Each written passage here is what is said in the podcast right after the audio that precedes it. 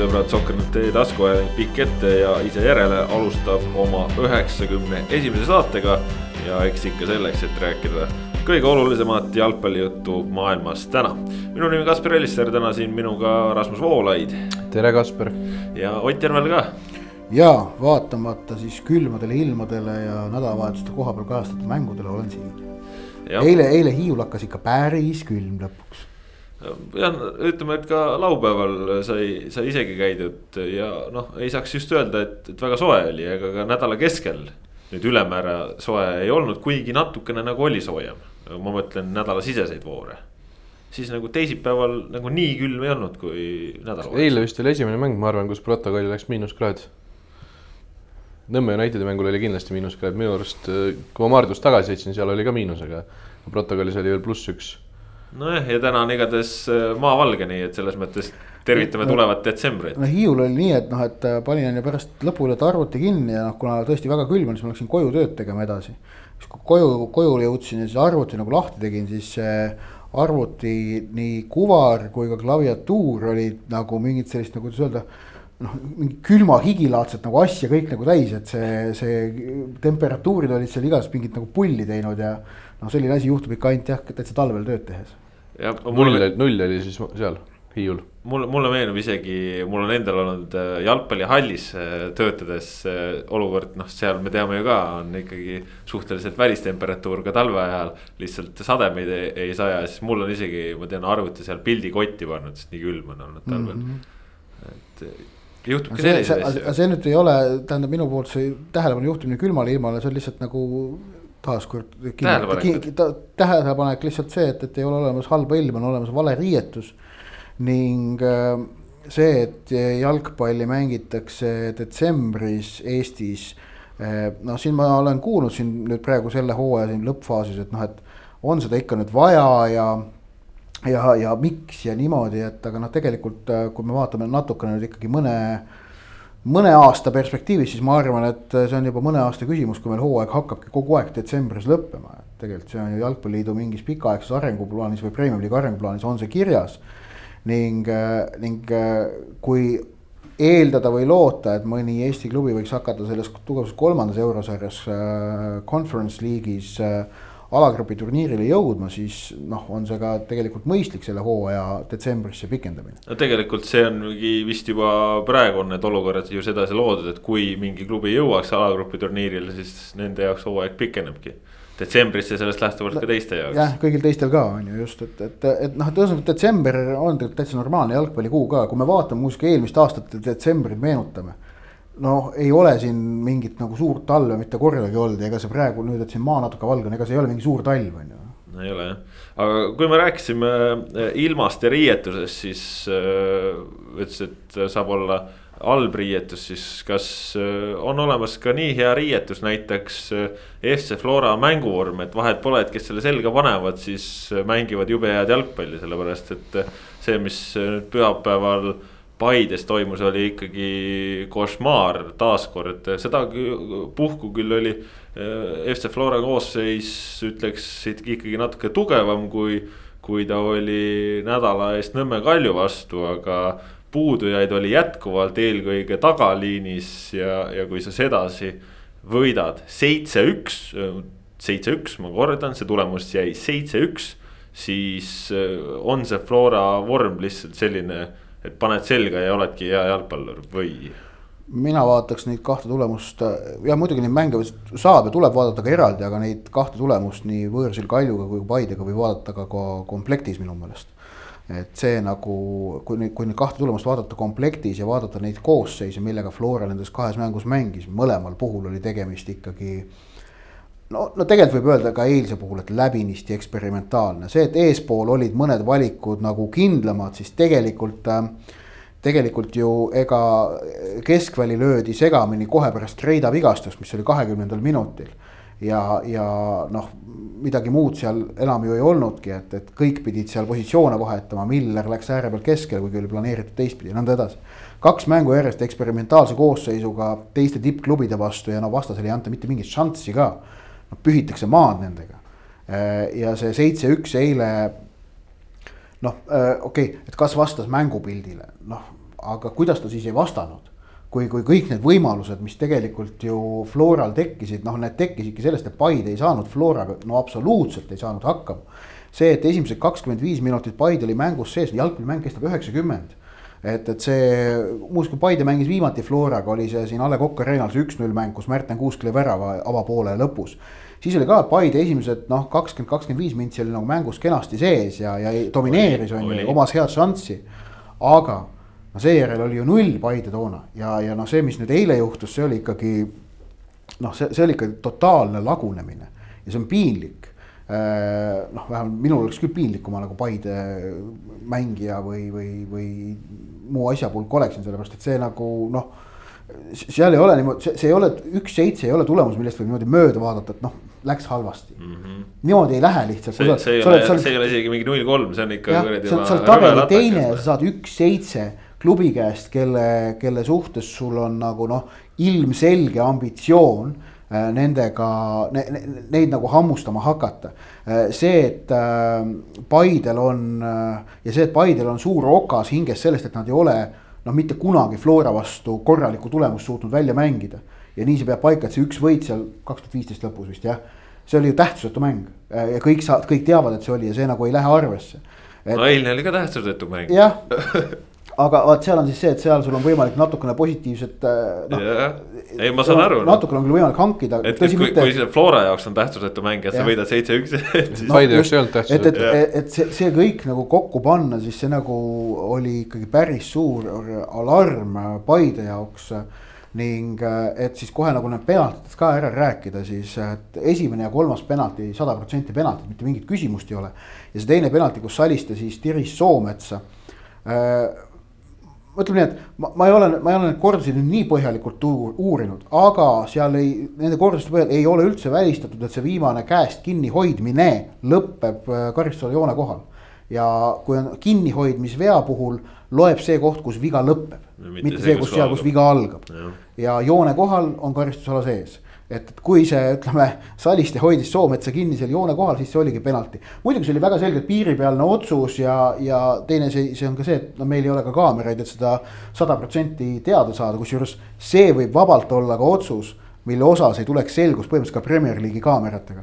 et see, kas sul on karistusala küljejoone peal kaamera, mis antud hetkel oleks tegelikult vajalik olnud, noh, ei pruugi olla tegelikult, et sa ei, sa ei pruugigi nagu teada saada, kas see oli nii või naa ja Rasmus, kuidas sulle see mäng meeldis või, või kuidas sulle mäng oli väga hea. mäng oli atraktiivne küll. selles mõttes noh, huvitav vaadata. väga huvitav vaadata, ma arvan, et äh, Paide jaoks tuli see isegi selles suhtes suhteliselt heal ajal. et nad saavad nagu siit just sellise äratuskella äh, hooaja lõpus sellise vastik okas hinge, terve talve nad teevad tänu sellele rohkem ja intensiivsemalt tööd ja see nagu kummitab neil kuklas ja nii edasi, aga, aga, aga see ei võta neilt ära teist kohta tõenäoliselt kuna. ja see on, see on ilmselt küll jah. jah, et, et nad ikkagi pääsevad teise kohaga, nad pääsevad kohe otse Euroopa liigasse ja saavad nagu terve talve teha juba Euroopa liiga foonil tööd ja, ja ma arvan, et see, see võib neile päris kasulikuks osutuda. aga, aga, aga samas on seis nüüd ka see, et, et see mäng nagu ikkagi osutus ka sellele kuristikule, mis Paide ja Flora vahel haigutab ja mitte ainult see mäng, vaid kui me vaatame tervet hooaega Paide ja Flora vahel komplektis, neli mängu, neli võitu, väravate vahe neliteist kolm Florale. mille pealt võtab Paide kinni vahet Floraga? Neil oli eile, okei okay,, see, et, Riisa Lubegat ei olnud, noh, tegelikult see, kui sul on Henri Anier olemas, see nagu ei ole. see ei ole, see ei ole määrav jah. see, see nagu tegelikult ei määra peaaegu mitte midagi okei okay,, Siim Lutsu arvelt saad sa natukene juurde panna. väravast ka ikka, Mait Toom ka aga, aga ja, see ka ei, viis väravat, kuus väravat ei, ei too tagasi. noh, jah, aga, aga, aga kokkuvõttes tegelikult ega sa väga palju sealt juurde ei saa panna, sul oli keskväljal olid nagu põhivennad kõik olemas, põhijõud tegutsesid. Äh, kaitseliin oli äh, parimas soovitud koosseisus et. Äh, just parimas soovitud koosseisus, aga kas ka selles mõttes reaalsuses parim koosseis selles mõttes, et äh, nüüd noored esimest korda said ikkagi ka kõvasti kooliraha maksta, nii et mõlemad maksid ja palju maksid. niimoodi valus oli, on ju. no valus oli jah. Mm. jah, aga, aga ongi, et, et äh, kas me näeme Paide no näiteks võtame Paide keskväljas, selget kohta, kust see praegune keskväli saab minna oluliselt paremaks. kas Teibis, Turr, Frolov, Mošnikov, Mööl, Kooslus on suuteline panema, ma ei tea, noh, kakskümmend protsenti juurde. ma ei ole niivõrd väga kindel, Teibis ja Turr lähevad äh, ilmselt küll veidikene, noh, nemad, nad on ikkagi noh, selgelt arenemisvõimelised jalgpallurid noh, Frolov ja Mošnikov on ikkagi juba vanuses, kus noh, sellist nagu noh, selget arengut äh, no eelkõige, eelkõige tuleb areng seal nagu läbi küp-, mängu küpsuse. aga noh, nad on selle Paide keskvälja ikkagi noh, kokkuvõttes tänavu niivõrd hästi jooksma, ma nagu noh. Ei, ei näe selget kohta, kus juurde panna, sest mida paremaks sa lähed, seda keerulisem on leida neid marginaale, kust veel midagi juurde panna. no seal on tegelikult ka ju see nüanss, et ega Paide pole saladust teinud, et, et tõenäoliselt ikkagi talve jooksul mõned mängijad tahetakse ka piiri taha viia, ehk siis. ehk siin tegelikult selline hea rütm ja kooslus, mis on tekkinud, ei pruugi jääda samaks, võib muutuda. sel talvel noh, mängijate turg on keerulisem. on, on, aga noh, ambitsioon on ikka. ja ei no see on väga hea, et on. Edgar Turr nimeliselt, on nimeliselt välja öeldud, et. no Sanneh on ilmselt ka mees, keda nagu ka... ilmselt saaks müüa, ma arvan, no ma ei tea, kas nad Davis tahavad praegu veel. Davis, ma ei usu, Lubega pigem näiteks, kellel on terve hooaeg nojah, aga, aga kui me tuletame meelde neid nagu summasid, millega läksid näiteks Alassana Jata ja siis see Samson Jede vist jah yeah.. et noh, need ei ole sellised, ähm, noh, need ei ole niivõrd suured summad, mis nagu, äh, kuidas öelda. ütleme no,, et Euroopas kas, mängimine on äh, kasumlikum. jah, et kas, kas nende kas, kas need müügid on nagu asja, on need nagu mõistlikud sammud või mitte, et seal nagu tekib see küsimus, kui selliseid summasid praegu üldse on võimalik saada no,. Lubega, ma usun, et nad saaksid nagu no kui sa plussi jääd ikka juba, siis on ju ja. selles mõttes, et, et kui sa teenid nii-öelda klubile väikese plussigi. ja no, sa oled võib-olla ise parem mängija tegelikult tasemele. sa ei teeni küll suurt raha, aga, aga juba väike pluss, noh, ma ütlen, et äh, majanduslikus mõttes. aga kuidas võistkond tugevneb selle kõigepealt? sõltub, mis vennad nendel ootamas on, Paidel alati on teada, et mingid vennad on ootamas, aga. nojah, aga no ega neid ütleme nii, et neid välismaalaste kohti on ikkagi on ju viis, et mitte rohkem ei ole, et noh, kõiki ja, ja kui sa noh, mõned, mõned praegused mehed tahavad ju alles ka jätta, et, et seal nagu ei ole väga palju seda parandamisruumi. et ühesõnaga minu meelest see seitse-üks eile oli nagu Paidele ka laiemas plaanis äratuskell, et järgmiste sammude astumine on keerulisem, kui on olnud seniste sammude astumine. ma tean, et ma enne käesolevat hooaega, mina ju avaldasin skepsist ka sellele, kas nagu Paide suudab väga selgelt medaliheitlusesse sekkuda, et, et äkki neil on vaja pigem nagu kindlustada oma seda neljanda positsiooni. seal ma noh, selgelt eksisin ja, ja Paide värbas on ju seda hooaega hästi. Äh, aga ma endiselt, et kui me vaatame tulevikku, et iga, mida paremaks sa lähed, seda keerulisem on astuda samm edasi. mul on natukene selline äh, üllatuslik on, on minu jaoks Paide puhul see, et, et kui nad nüüd siin ütleme suurusjärk kolm vooru tagasi mängisid ennast olukorda, kus sisuliselt oli see hõbe juba ikkagi väga käeulatuses, et siis pärast seda on ikkagi toimunud nagu kergemat sorti lagunemine, et äh, Levadia tuli nende vastu ja tegelikult mängis paremini. Flora tuli, mängis totaalselt palju paremini või ütleme siis ka veavabalt on ju erinevalt Paidest, et noh, Paidel tõesti ju mängupildiliselt just mängu esimest, esimesel poolel oli ju hetki, kus nad olid okeid. aga noh, kokkuvõttes nemad tegid vigu, mida Flora ei teinud, et siis see on nagu selline et kas nad hakkasid ennast juba liiga mugavalt tundma, et asi on käes ja, ja kui juhtus selline asi, et nad hakkasid ennast liiga mugavalt tundma. Siis see on nüüd nagu selline, ütleks, et ikkagi väga oluline õppimiskoht, et, et nad ei arvaks, et kõik ongi juba väga hästi jah, ega siin ütleme, noh, me kohe jõuame Levadia Kalju mängu juurde, aga noh, Levadia on selgelt liikumas tõusutrendis. see, kui me nüüd vaatame isegi natukene mitte siin viimast kuud, vaid ütleme viimast kahte-kolme kuud ja ka järgmise hooaja poole vaadates, siis noh, Levadial on, mille pealt ehitada järgmist hooaega silmas pidades. Ehm, ja noh, see on ka kahtlemata Paide jaoks ju noh, selles mõttes ohumärk, et, et äh, ma järgmine hooaeg nad peavad ikkagi vaatama selja taha, mitte ette. see on, see on, see on nagu asjade reaalne seis, sellepärast et tõesti see, kuidas Flora mängis eile Paide vastu, tuletame siis meelde. Nende kuuest kaitsvast mängijast, äh, eelistatud kaitsvast mängijast äh, mängi, alustas kaks Pürg ja Kreida ja Kreida võeti kahekümne esimesel minutil välja. ehk et väravas kolmas väravvaht Lapa, äh, paremkaitses äh, viimasel hetkel koroona isolatsiooni langenud Hussari asemel, kes oleks minu teada pidanud mängima. et oleks talle võimalus antud, oli siis Soomets. pürgipartneriks keskkaitses Sepik ja, ja vasakkaitses Luka, kuigi noh, Kallaste ja Kuusk olid ka puudu. Rasmus, äh, oli see mäng selline, mis näitas, et äh, kahe võistkonna vahel on klassivahe?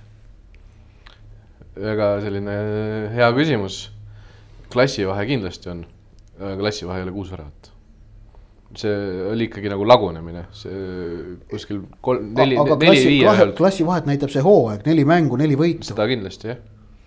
neli mängu, neli võitu ja ma kirjutasin pärast, ma kasutasin pärast seda viimast üks-null võitu ka ju sõna klassivahe. kasutasid?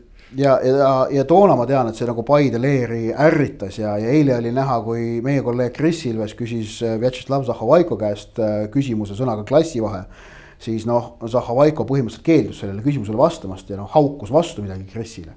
mis on muidugi treeneri õigus pärast mängu niimoodi teha, me näeme, kas tipptreenerid teevad samamoodi maailma liigades, noh, see on nagu vastaja õigus aga kui selline sõna nagu ärritab, siis on seal väga selge nagu põhjus taga, et, et ju seal ole siis tõde sees, et sellepärast ärritabki, ega ta muidu ei ärritaks väga hea, läheme siit edasi järgmise mängu juurde, Nõmme Kalju, FC Levadia, kõva sihuke pusimine, võitluslik lahing seal Hiiul oli.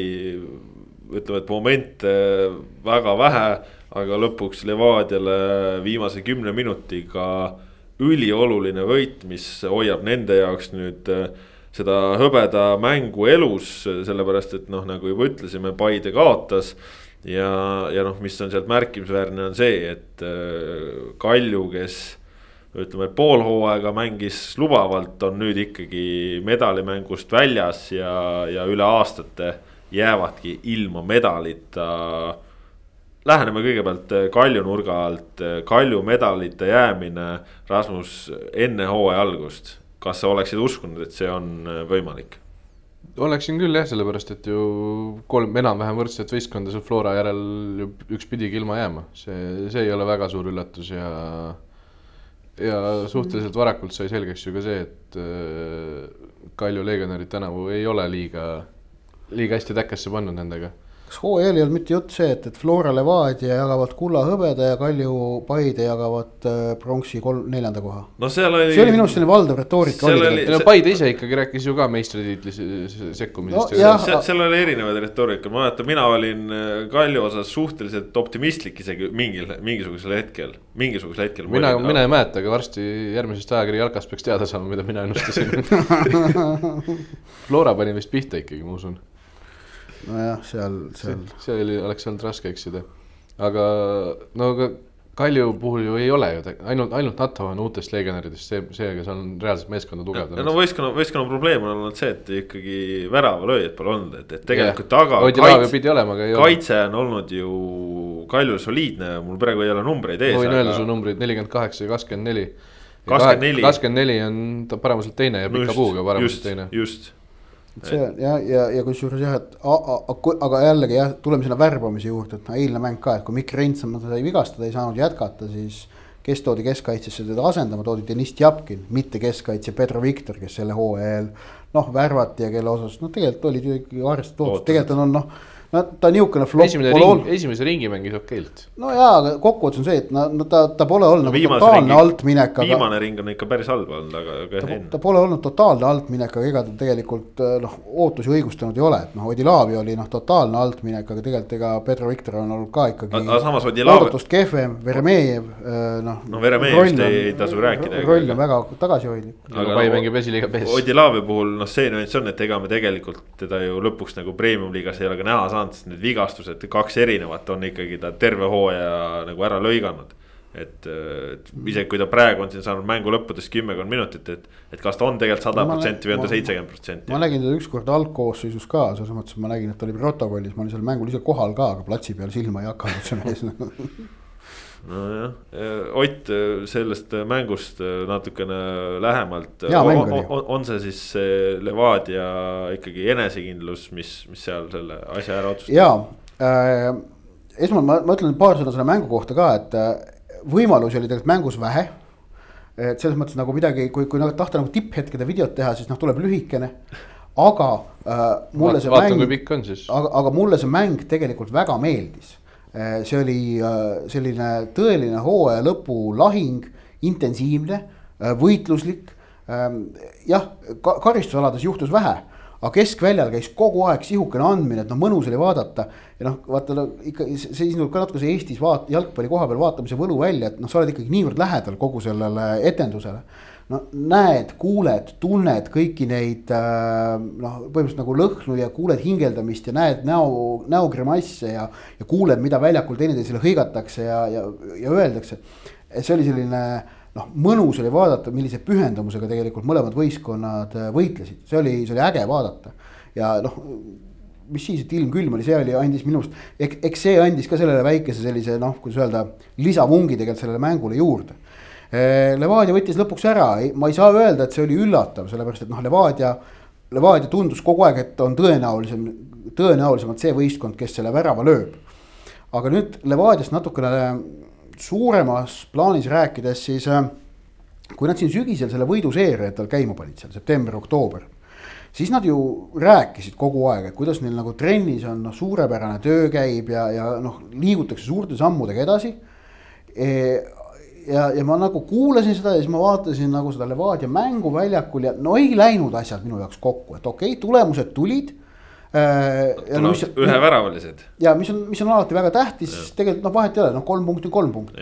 aga et, et see nagu, et, et oleks, et, et ma näeksin nagu selgelt mingeid nagu edasiminekut ja, ja uut kuidas öelda, harmoonia taset, vot seda silma ei hakanud, aga nüüd kahes viimases mängus. Nii Paidega kui nüüd Kaljuga, need kaks-kaks ja nüüd kaks-null. vot seal ma olen tõesti näinud nüüd Levadia puhul nagu minu meelest asja, mida võib nimetada uueks tasemeks et see võistkond äh, hingab kokku äh,, hingab ühes rütmis äh,, tunneb ja usaldab teineteist väljakul üha rohkem äh,. ja, ja see on nagu suur relv, üks hea näide sellest, kuidas Levadias valitseb usaldus on minu meelest see, kuidas Bogdan Vassiuk mängis eile alumist poolkaitset, kus muidu mängib Brent Lepistu, kes oli võistluskeelu all ja oli siis küljetrüüni peal abitreener, sedapuhku esmal poole, esimesel poolel Karl Rudolf õigusele, teisel poolel abikohtunikule, kes seal eh, tema ees tegutses. Eh, Lepistule pärast mängu ütlesin, et, et sa oled nagu Kallaste Floras, ütles, et no jaa, keegi peab ju seda tegema. Et eh, aga noh, Levadia mehed olid nagu siiralt rõõmsad ja rahul, et see oli nagu näha aga jah, see, kuidas Vassiuk seda rolli mängis, et see ei ole tema jaoks tavapärane roll, see oli harjumatu roll. ta mängis seda niimoodi, et ta usaldas iseennast ja kaaslased usaldasid teda. ta tegi seal julgeid otsuseid, ta võttis seal riske, aga kaaslased toetasid ja usaldasid. ja tegelikult, kui sa sellise positsiooni peal riskide, noh, sa pead riske võtma alumise poolkaitsjana, muidu sa ei saagi võistkonna mängu ju tööle panna aga et need riskid nagu õigustaksid ja õnnestuksid, selle jaoks peavad kaaslased sind usaldama, siis nagu on, tõuseb nendest riskidest ka mingi tulu. Nad suudavad selle palli kiirelt jätkata omakorda kuskile mujale vabasse tsooni. ja see nagu tegelikult toimis ja see on minu meelest selline hea kvaliteedimärk. minu arust kvaliteedimärk oli eile Levadia puhul ka see, et tegelikult neli põhimeest olid ju puudu kolm mängukeeldudega, lisaks Kolomojets ehk siis äh, read olid tegelikult hõredad, aga nad tulid välja. Artjom Komlov oli põhikoosseisus, nagu sa ütlesid, Vašjuk mängis seda, seda alumist rolli on ju lõpuks äh, õigus. vasakul äärel sai ka hoo üles ja, ja vormistas ka lõppseisu, ehk siis äh, noh, Levadia puhul no siin viimasel ajal on, on olnud juttu ka sellest, Vladimir Vassiljev on öelnud, kuidas need lepingupikendused on andnud meestele enesekindluse ja usu, et, et nendesse panustatakse, neid loodetakse. Rasmus, kas, kas, kas see võib olla mingisugune reaalne efekt, et mängijad teavad, neil on kindlus olemas tuleviku osas. Nendel ei ole ka üheaastane leping, vaid kaheaastane, ehk siis näidatakse, et teie peale me loodame, kutid ja, ja see aitabki võistkonda edasi viia esialgu mulle tundub küll, et see praegune äh, nii-öelda tõuge on tulnud paljuski ka sellest, et mehed on uue lepingu saanud. ma loodan väga, et äh, Levadia nagu reaalselt ka hakkab see järgmisel aastal kajastuma, sellepärast et Aleksandr Rogic ajal ju räägiti kogu aeg seda, et protsess, protsess, protsess, meil on kõik jube hästi, me treenime, meil on kõik, läheme aina professionaalsemaks ja nii edasi. see, see ei kajastunud väga palju tulemustes. ma tahaks, tahaks nagu näha, et Levadia hakkab päriselt ka järgmisel aastal hakkabki kohe Florale vastu jah, seda kindlasti on vaja, et, et Levadia saaks nagu ka Florale vastu, aga, aga mul on tunne, et seal noh, Levadias üks asi, mida praegu püütakse saavutada, on ka töörahu. mida rõhutas mulle tegelikult ju Vladimir Vassiljev nädala eest, kui ma pärast seda Paide mängu temaga rääkisin, küsisin nende kaheaastaste lepingute kohta. et, et noh, klubi on nagu seda taktikat muutnud ja, ja ta noh, märkis ka, et, et see annab mängijatele sellise rahulikuma meele, millega tööd teha et, et, et klubil on ka olemas perspektiivitunne, see on Levadia jaoks ütleme tavapärasest tegutsemismullist ju erinev või noh, uus tegutsemismall ja eks sellised väikesed asjad nagu kõik koos nagu töötavadki, et, et ega nüüd arvata, et Levadia järgmine aasta, mis need, mis neil praegu tabelis vahe ongi, et äh, no,. tabelis on vahe ikka suur. praegu on kakskümmend, kakskümmend punkti, et noh, kakskümmend punkti äh, nüüd ühe, kuidas öelda, talvega tagasi võtta ei ole võimatu, Flora ise tegi seda kaks tuhat kümme näiteks Levadia vastu. no ja kui Flora on ka ikkagi võistkond, kust keegi võib ära minna. jah, on ju. noh, Sapina ilmselt läheb, aga keegi võib veel minna, ma usun niimoodi. aga see on ikkagi noh, keeruline, et noh, et. kui see juba Sapinani ära võtad, see ongi väga suur tühi auk. nojah, eh, aga, aga ma ikkagi ütlen, et, et järgmisel hooajal nagu noh, Levadia jaoks es, esimene eesmärk on nagu vahet Floraga vähendada, kas sellest piisab nüüd kohe nagu tiitli võitmiseks et, et äh, kui nagu suudetakse noh, mitme sammuga tuleb seda vahet nagu tagasi hakata võtma, sest et tegelikult see vahe, mille Flora on minu meelest teistega sisse teinud nüüd siin äh, selle viimase, võib öelda nelja-aastase perioodiga eriti, noh, nelja aasta jooksul kolm, kuue aasta jooksul neli tiitlit. see on ikkagi tegelikult, äh, see on süstemaatiline, see on päris suur. võib-olla järgmisel esmaspäeval oleme seisus, kus vahe on ainult neliteist veel jah, noh. see, see muudab tegelikult nagu üks nädal võib muuta väga palju, kui Flora siin kaks, kaks korda peksa saab. kas sa tegelikult arvad, et Flora võib kaks korda ei, ma ei arva, ma ei arva, aga kui Levadial ainus võimalus teiseks, teiseks, teiseks pääsemiseks on see, et nad võidavad kaks korda Levadiat ja ja kui, kui see nii läheb, siis see nagu nii-öelda seda nivood, mille, millele me talve, talvele vastu läheme, seda muudab. seda ja okei okay,, see muudaks, kindlasti muudaks äh.... aga ma olen nõus, et see on mingi kümme protsenti tõenäosus umbes maksimum või kaks, me ei usu nii palju. kümme protsenti, et Flora või kaotab kaks korda Levadiale äh,. see on, hakkame natuke, natuke nüüd arvutama, et noh, et. Äh, ärme, ärme hakka. no, no mina, ma arvan. vaba ei puusalt praegu. et noh, et äh, võtame selle, et tegelikult kümme protsenti vist on õige, sest ma arvan, et kõik mängud on, mõlemad mängud on umbes sellised, kus on nagu selline noh, võidušanss on mõlemal võrdne enam-vähem. või Floral natuke parem. ma annaks väikse eelise vist Florale ikka. jah, ütleme nelikümmend, kolmkümmend, kolmkümmend Florale Äh, et noh, kolmkümmend protsenti Viiki, kolmkümmend protsenti Levadiat. see tähendab seda, et äh, võidušanss, et Levadia mõlemad võidab, on null koma kolm korda null koma kolm, mis on teatavasti null koma null üheksa, nii et jah, sul on õige jah, üheksa protsenti. noh, puusalt, aga hästi. Äh, Rasmus, lõpetuseks siin veel Nõmme Kalju osas ka Nad on seni olnud, ütleme Eesti liigas ühed eesrindlikumad, kes kritiseerivad muuhulgas solidaarsusmehhanisme, kas talvega retoorika muutub väga, väga hea küsimus on see.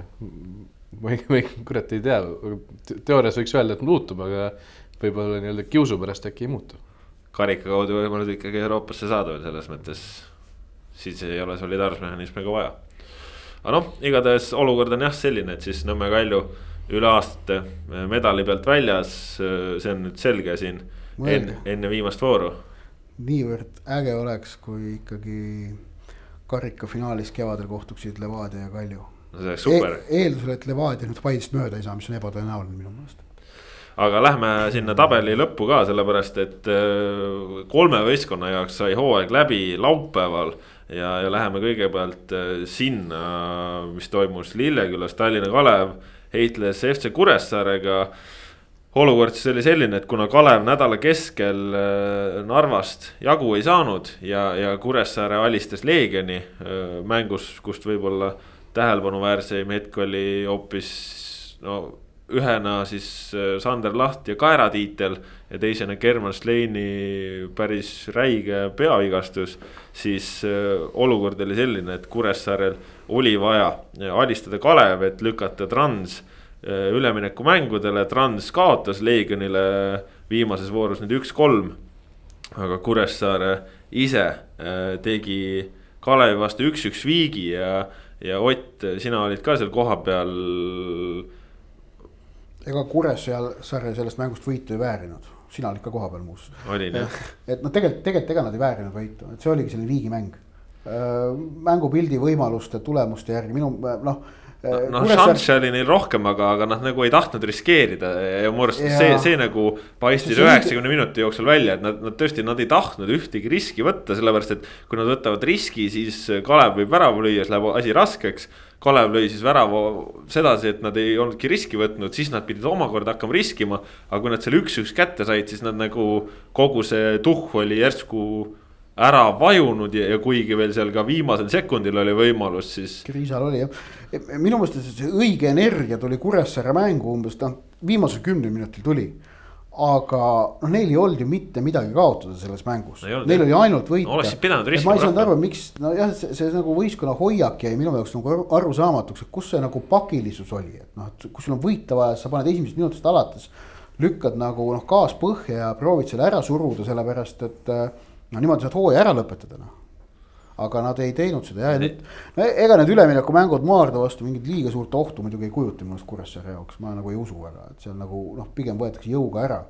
aga ebameeldiv ikka, et noh, tuleb siin veel nüüd veel kaks nädalat äh, nädal jantida või nädal jantida. aga Rasmus, räägi meile natukene Maardust, sa nägid äh, seda, kuidas esiliiga suur duell, mis oleks pidanud äh, saama eile filigraanse lõpu ju tõesti ei tulnud seda, sellepärast et Pärnu Vaprus ja, ja Maardu eelnevas voorus olid asjad ära otsustanud ja siis oli ikkagi mäng, kus Vaprus läks juhtima. aga Maardu võitis, nii et said, ma ei tea, kibe magus, mis iganes ta oli, on ju. aga, aga missugune see Maardu oli, kas, kas sellisel Maardul on reaalsuses Kuressaare vastu varianti? No me teame, et Kuressaare väravaid ei oska lüüa, et see on. seda ei oska jah, aga. aga Maardul võib-olla oskavad isegi nemad jah. väga keeruline on see Maardu poolt vaadates ikkagi, et nad, et nad ikkagi võidaksid selle paari. mina ei usu, sellepärast et äh, Maardu mingitel hetkedel nagu suudab mängida, ma arvan, Kuressaarega võrdne-võrdselt, aga tundub välistatud on seda üheksakümne minuti jooksul.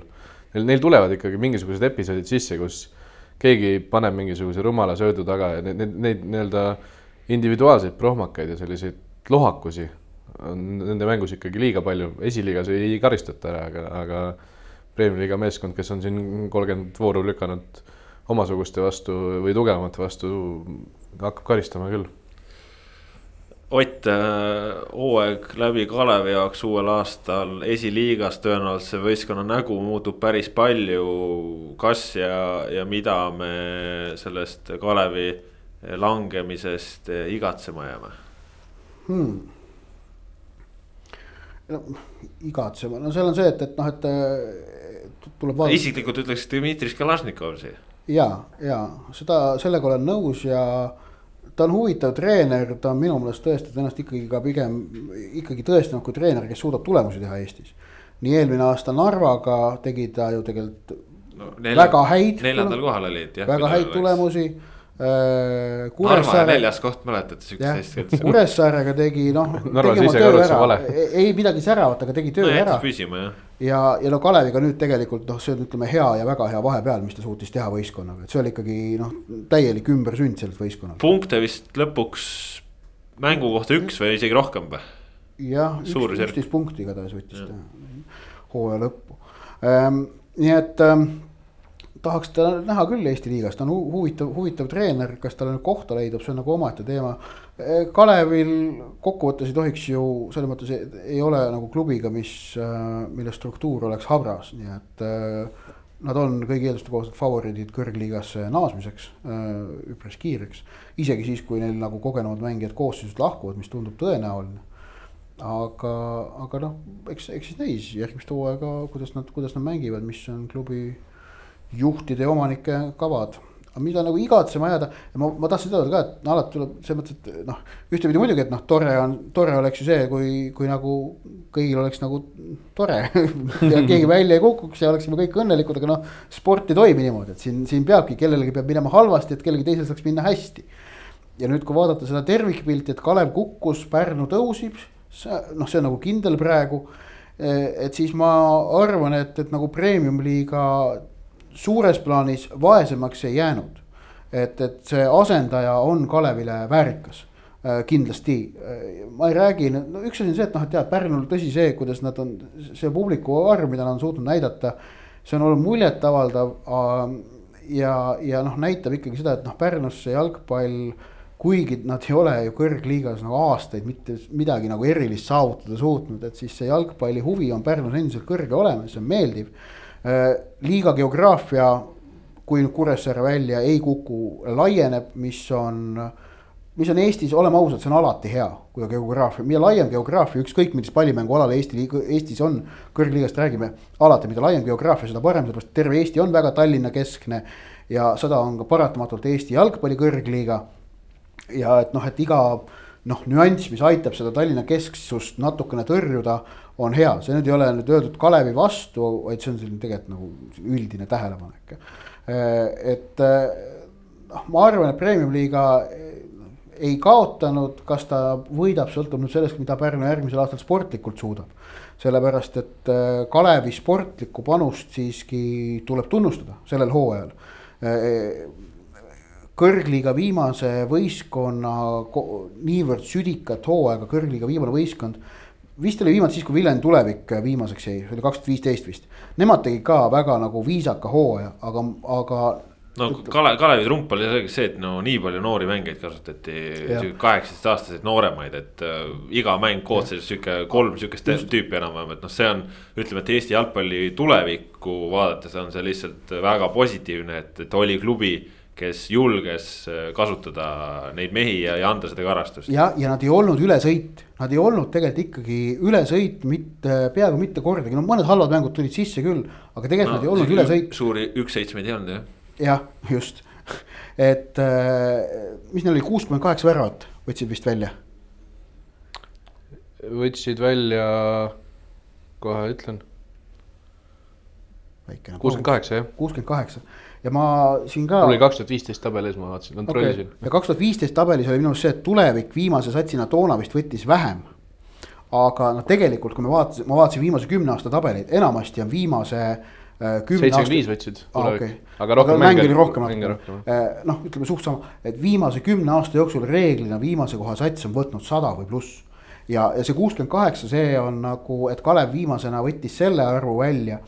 Äh, see on kompliment neile ja see on kompliment tervele kõrgliigale tegelikult, et seda ühtlust, ühtsust ja tasasemat taset meil ikkagi oli siin jah. Rasmus Leegion lõpetas ka oma hooaja, lõpetavad selle seitsmenda kohaga kas, kas ja mis hinde võiks Leegionile selle kõrgliigasse tuleku eest panna, nad tulid väga ambitsioonikalt. päris sellele ootusele ei vastanud, aga samas ütleme siin hooaja jooksul tehtud areng on võib-olla isegi liiga sees kõige suurem. see, milline nad olid alguses ja milline nad olid lõpus, see oli ikkagi diametraalne vahe ja, ja kokkuvõttes uustulnukana isegi seitsmendana tulla ja mängida sellist mängu lõpuks päris kiiduväärne mulle isiklikult. hinde mõtlesin ka, kas kolm pluss neli miinus midagi sinna, et äh, selgelt ütleme, kui võtta lihtsalt seda, et mees, mida meeskond soovis ja mis oli reaalsus, võib-olla nende käärid on kõige suuremad isegi, aga noh, ilmselgelt nad olid, aga, aga, aga nad, nende, aga, nende ambitsioonikus oli liiga kõrge. ja, aga soov maha võttes, et ja, reaalne ootus ja, versus reaalne tulemus, see on. jah, see on üsna noh, ütleme mingi Tammeka, Flora ja need on nagu täpselt paigas, on ju, viies, esimene, tulevik kuues aga, aga Leegioni kohta me ju ei teadnud nii täpselt, mida oodata ja, ja ma olen ka, ma paneksin plusspoolele nende hooaja, eriti, eriti hooaja teise poole ja ma arvan, et äh, siit äh, on nagu hea stardiplatvorm, kus teha nii-öelda nüüd nii-öelda päris nende ootustele vastav hooaeg järgmisel aastal ja tuleb kiita kahtlemata Pavel Londaka väravas suhul, neljakümne aastane ja, ja teeb kõik, Andreejev tuleb äh, suvel ja, ja kõmmutab kokku kümme väravat lõpuks. Sanja Dmitrijev tagasi suures mängus. see on, see on kõige toredam võib-olla isegi. vedas välja, on ju, siin ongi mitmed mehed, kes on olnud nagu keerulistes perioodides, on ta siis Schlein, on ta Kuusjev nüüd kõik said nagu mingisugust mängutunnetust ja, ja noh, see, see on põnev, põnev projekt ka järgmise aasta. Schleini puhul ma öö, sellest viimasest olukorrast rääkides, kui ta sai laksu sai, minu arust nagu äärmiselt ebaprofessionaalne oli ta väljakule tagasi saata. Nagu näidati, suures plaanis näidati, milline ta välja nägi arstid vaatasid, oo, mängumees niisuguse näoga okay.. no ta ise tahtis mängida. no aga see, kõik mängijad, kes saavad peavigastuse, tahavad mängida, see kunagi ei pea kuulama mängijaid. täna hommikul, täna hommikul nägin just BBC-st Troy Deeney oli sõna võtnud äh,. Luisi osa, Luisi osas või? Äh, ta oli sõna võtnud, kes on Watfordi on ju see endine ründaja, oli sõna võtnud selles osas, et ütles, et äh, tuleb usaldada mängijaid, et tema nagu esitas seda seisukohta, millega ta muidugi noh, sai ka avalikkuses kohe nagu noh, pikki päid ja jalgu. ma pole kunagi ise sellisel tasemel mängija olnud muidu, ma ei oska, ma ei ole ka võib-olla. no Slein tagantjärgi ütles ka, et tagantjärgi targana oleks pidanud küsima vahetust, aga noh, tahtis mm -hmm.. nojah, on mis on, liigume siit edasi äh, selle juurde, et äh, hooaeg sai läbi ka Transi jaoks. Trans lõpuks tänu Kuressaare suutmatusele pääses üleminekumängudest, aga Ott, äh, sa käisid nädala sees ka ise Narvas. Äh, nägid seal ühte jalgpallilahingut ja, ja vestlesid klubi presidendi Nikolai Burdakoviga. Trans on olnud löögi all, äh, ütleme nende enda arust väga suure löögi all, nendele on tundnud, et neile tehakse palju liiga. ka viimases voorus neile võidi teha liiga Äh, mingisugused penaltiolukorrad seal jälle olid ja seal pahameelt oli üleval, aga. aga mis see olukord siis on, kas, kas äh, Narva tõesti tunnebki, et nad on täiesti kõrvale jäetud? no nagu sealt intervjuust välja tuli, siis tegelikult jah, lühidalt kokkuvõttes nii ongi jah, et nad et, et see, mida me siin saates ju mingi mõned nädalad tagasi ikka puudutasime, et, et, et noh, seal valitsevad, sealse jalgpalliinimeste seas valitsevad meeleolud, et et neile tehakse, tahetaksegi ära teha, neist lahti saada, sest nad on noh, Narva ja Ida-Virumaa ja räägivad vene keelt, et. et sellised meeleolud ei ole seal Narvas võõrad, tuli, tuli nagu välja. ma nüüd selle kohtunike teema nagu tõstaksin natukene sellest muust intervjuust, kuidas öelda, eraldi ja kõrvale, mitte et sellest mööda vaadata noh, see, et Transil ja Eesti kohtunikel on halvad suhted, no see ei ole kurat kellegi jaoks uudis on ju, et noh, see on nagu juba aastaid niimoodi olnud ja. ja oleme ausad, ei ole seal näha, et see asi nagu väga paremaks läheks ja kuigi noh, siin on sel hooajal paar otsust olnud Transi vastu ikkagi noh, täiesti skandaalsed, noh see Lubega penalti näiteks noh. no see on noh, see on, see on täiesti no vastuvõetamatu on ju, siis, siis ega nüüd ei saa öelda, et neil suures plaanis neil oleks mingit tohutult palju rohkem liiga tehtud kellelegi teisele, on ju, et noh, halvad otsused ikkagi jaotuvad võistkondade peale ära. aga selge on see, et Narvas nad võimenduvad, sellepärast et äh, äh nad, kuna Narva ise võtab seda kõike niivõrd valuliselt. aga miks nad kõike seda niivõrd valuliselt võtab, ma arvan, et just seda konteksti see intervjuu ikkagi nüüd avas. ja, ja küsimus on seal natukene muudes aspektides ka, kuidas, kui, kui nagu Narval on ikkagi okkad hinges ja uusim ja suurim okas on muidugi jalgpallihalli puudutav, mis on skandaal. see on väga vale ja see on noh piinlik, et see otsus Ida-Virumaa osas tehti Jõhvi kasuks, mitte Narva kasuks, see on, see on arusaamatu. aga neid okkaid on seal veel varasemast ajast, noh näiteks seesama Kreenholmi staadioni näide, mille Burdakov tõi. et talle on noh, ütleme noh talle, noh eks ta Narva jalgpall väga palju temaga võrdub, selles mõttes pole vale öelda, et talle.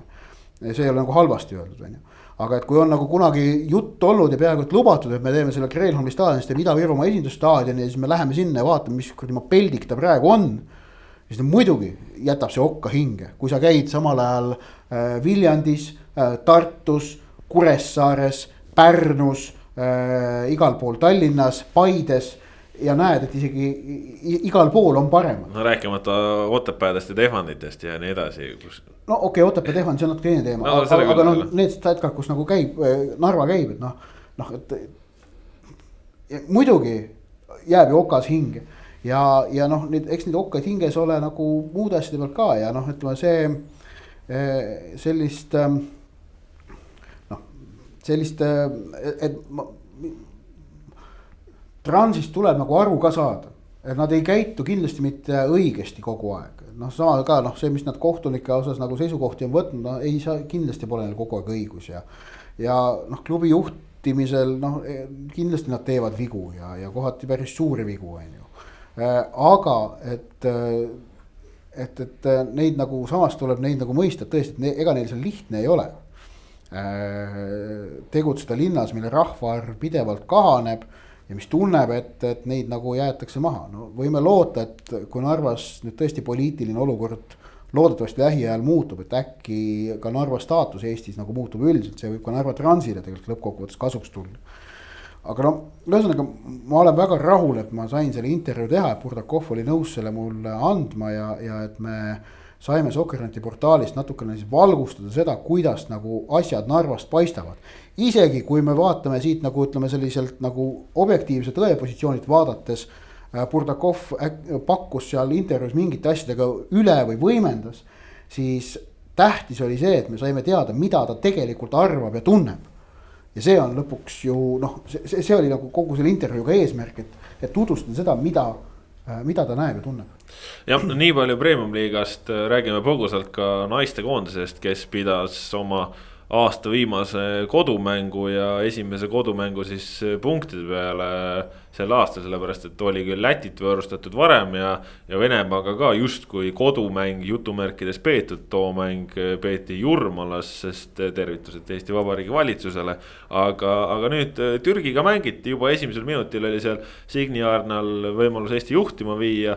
seal oli veel Vadagu Vassoval hea moment, mingid olukorrad olid veel, aga, aga see mäng läks inetuks teisel poolel, lõppes ta null-neli kaotusega noh, Rasmus, kas selle mängu peamine kõneaine ja jutupunkt oli ikkagi kohtunik, Valgevene kohtunik?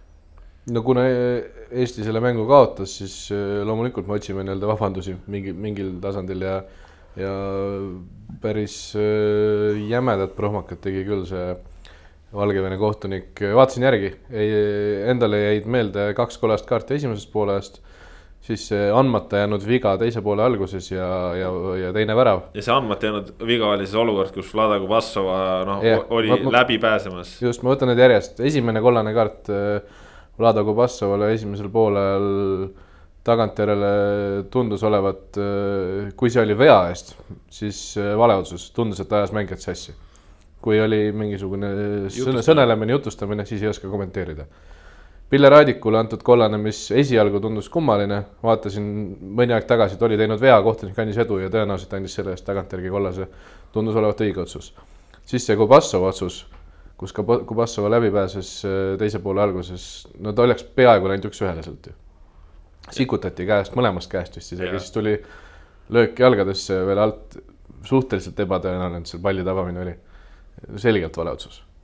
ja siis äh, noh penalti pluss värav, kindlasti vale otsus see on täitsa sürreaalne jah, kes seda mängu ei vaadanud, sest see kaks-null värav tuli olukorras, kus kus Eesti karistusalas oli kontakt, Pille Raadik oli palliga, ta oli palli kaotamas, kukkus otsa vastase mängijale. penalti õige otsus. oleks, oleks olnud penalti, kohtunikul on vile suus, vilistab, osutab käega penaltipunktile, selle järel lüüakse pall väravasse kohtunik vaatab otsa Valgevene mängijatele, kes küsib, et no mis nüüd.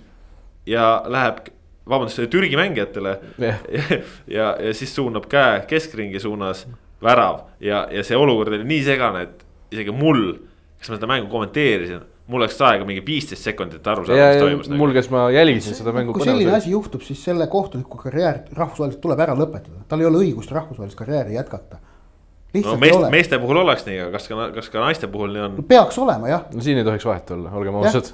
tuleb ära lõpetada, lihtsalt selline eksimus on niivõrd ränk, et ei ole õigust rahvusvahelist karjääri jätkata, kõik. ja ongi karm asi ja mis siis, et muidu on tore inimene, ei huvita. kui sellise sita teed, siis enam ei vilista, kõik meile see meeldiks, aga kahjuks enam tagantjärgi mind väga palju ei aita, sest mäng läks ikkagi aia taha ja see tegelikult murdis kogu naiskonna ja sealt noh, edasi oligi juba olukord päris lootusetu. olukord nüüd enne mängu oli variant tõusta Türgist mööda, noh paberi peal on nüüd võimalik ka veel kaks korda Sloveeniat alistades seda teha, aga, aga see väga tõenäoline ei tundu. kas, kas võib öelda, et ikkagi järjekordne valiktsükkel on läinud selles mõttes aia taha, et, et ei suuda praegu ikkagi rahvusvahelisel tasemel Muidugi. teist, teistega rinda pista muidugi, sellepärast et vaatamata kohtuniku otsustele oli Eesti selles mängus ka halvem võistkond väljakul, et ehk nagu see noh, neli-null on ebaõiglane, aga, aga kaotus on õiglane. tead, eks ähm, noh, naistekoondisel on selles mõttes keerulisem anda hinnangut kui meestekoondisele, et, et äh, koosseisu kokkusaamine on naiskonna jaoks sageli palju keerulisem. no puudujaid oli suurusjärk kaheksa või midagi taolist. just, just ja, ja, ja noh, ja see ja ütleme, seal on, kuna nais na,, Eesti naiskonna liikmed kaugeltki mitte kõik ei ole profimängijad, vaid, vaid pigem on vähesed. vähemus, vähemus on jah. vähesed on profimängijad, siis ongi kõikvõimalike nagu hinnangute andmine selgelt keerulisem, sellepärast et seda noh, kuidas öelda, kontekst on palju nüansi rohkem. et kui sul on ikkagi profisportlased, siis on, siis on kontekst, ütleme noh, selgem aga, aga siin on ta ebaselgem, et, et noh, et siin ongi see, et, et eks, eks see müüri ladumine on väga pikk töö ja tee aga et kas millalgi õnnestub see müüri ladumisest lõpetada ja hakata natukene nagu tulemuste peale mängima, noh keeruline, keeruline öelda, millal see võiks juhtuda jah, ja oli meil tegelikult täna plaan ka rääkida väheke pikemalt välismaa jalgpallist ka, aga, aga tundub, et me lepime sellega, et räägime sellest jalgpallist siis, kui, kui meil nüüd Eesti vutt pausile läheb lühidalt muidugi Sokanet hoiab kõigega, mis välismaal toimub, teid kursis. no ikka põhjalikult hoiame, mitte lühidalt. no lühidalt öeldes hoiab põhjalikult kursis, et selles mõttes nädalavahetusel jälle huvitav. Chelsea Tottenham ei mänginud väga huvitavalt, Arsenal kaotab jälle. ma jäin magama. Arsenal kaotas jälle, tavapärane Liverpool kaotas punkti selgus, et Edinson Cavani on ka soliidses eas, ikkagi väga hea jalgpallur, Manchester Unitedi käristas välja. United mängis nagu Ferguson oleks taas peatreener olnud noh, Real Madrid Hispaanias näiteks äh, mängis nii nagu nendel ikka sügiseti meeldib nagu mängida. nagu Zidane oleks peatreener. ehk siis nädala keskel võidad Milano Interit, nii et Interil ei ole varianti ka. siis nädalavahetusel, no miks mitte Deportivo Alaveselt väike üks-kaks kaotas ja seal Courtois söötis vastasele jala peale ja. ja mingid veidrad penaltid ja noh, selles mõttes Hispaania liigas on intriigi kõvasti, esimese ja kolmanda meeskonna vaheline duell. Äh, ja esimene ja kolmas meeskond olid siis Real Sociedad ja Villarreal mängisid ka viiki ja, ja selles mõttes Hispaania kõrgliiga tabelitipp on küll põnev, kuigi huvitav on nüüd see, et. Äh, oota, Barca võitis, aga mis Atletico tegi? Atletico võitis ka üks-null Valenciat oma väravast.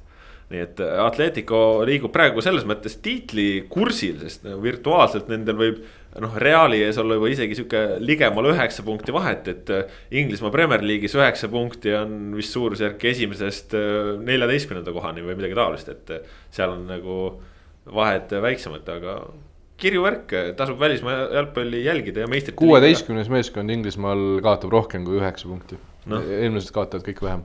et selles mõttes siin see rahvusvaheline jalgpall läheb põnevaks ja kahtlemata, kui nüüd Eesti liiga hooajale järgmisel nädalal joon alla tõmmatakse, siis ka pikk ette ja ise järele edaspidi tõenäoliselt väheke rohkem välismaa jalgpallile keskendub, nii et siis räägime kõigest pikemalt, räägime ka sellest miks jaurab võib-olla Jürgen Klopp ja, ja, ja mis, mis tema peas toimub. aga sellest kõik juba järgmisel korral. tänane saade sellega saab oma joone alla, saate tõid teieni Kaspar Elisser, Rasmus Voolaid, Ott Järvela. täname, et meid kuulasite, kuulake meid ikka ja jälle igal esmaspäeval. jälgige meie portaali, pakume äh, mõistagi kõike olulist jalgpallist nii siit kui sealt ja muidugi ka veel otseülekanded sel nädalal nii et äh, püsige meie lainel, püsige terved, aitäh, et olite ja adjöö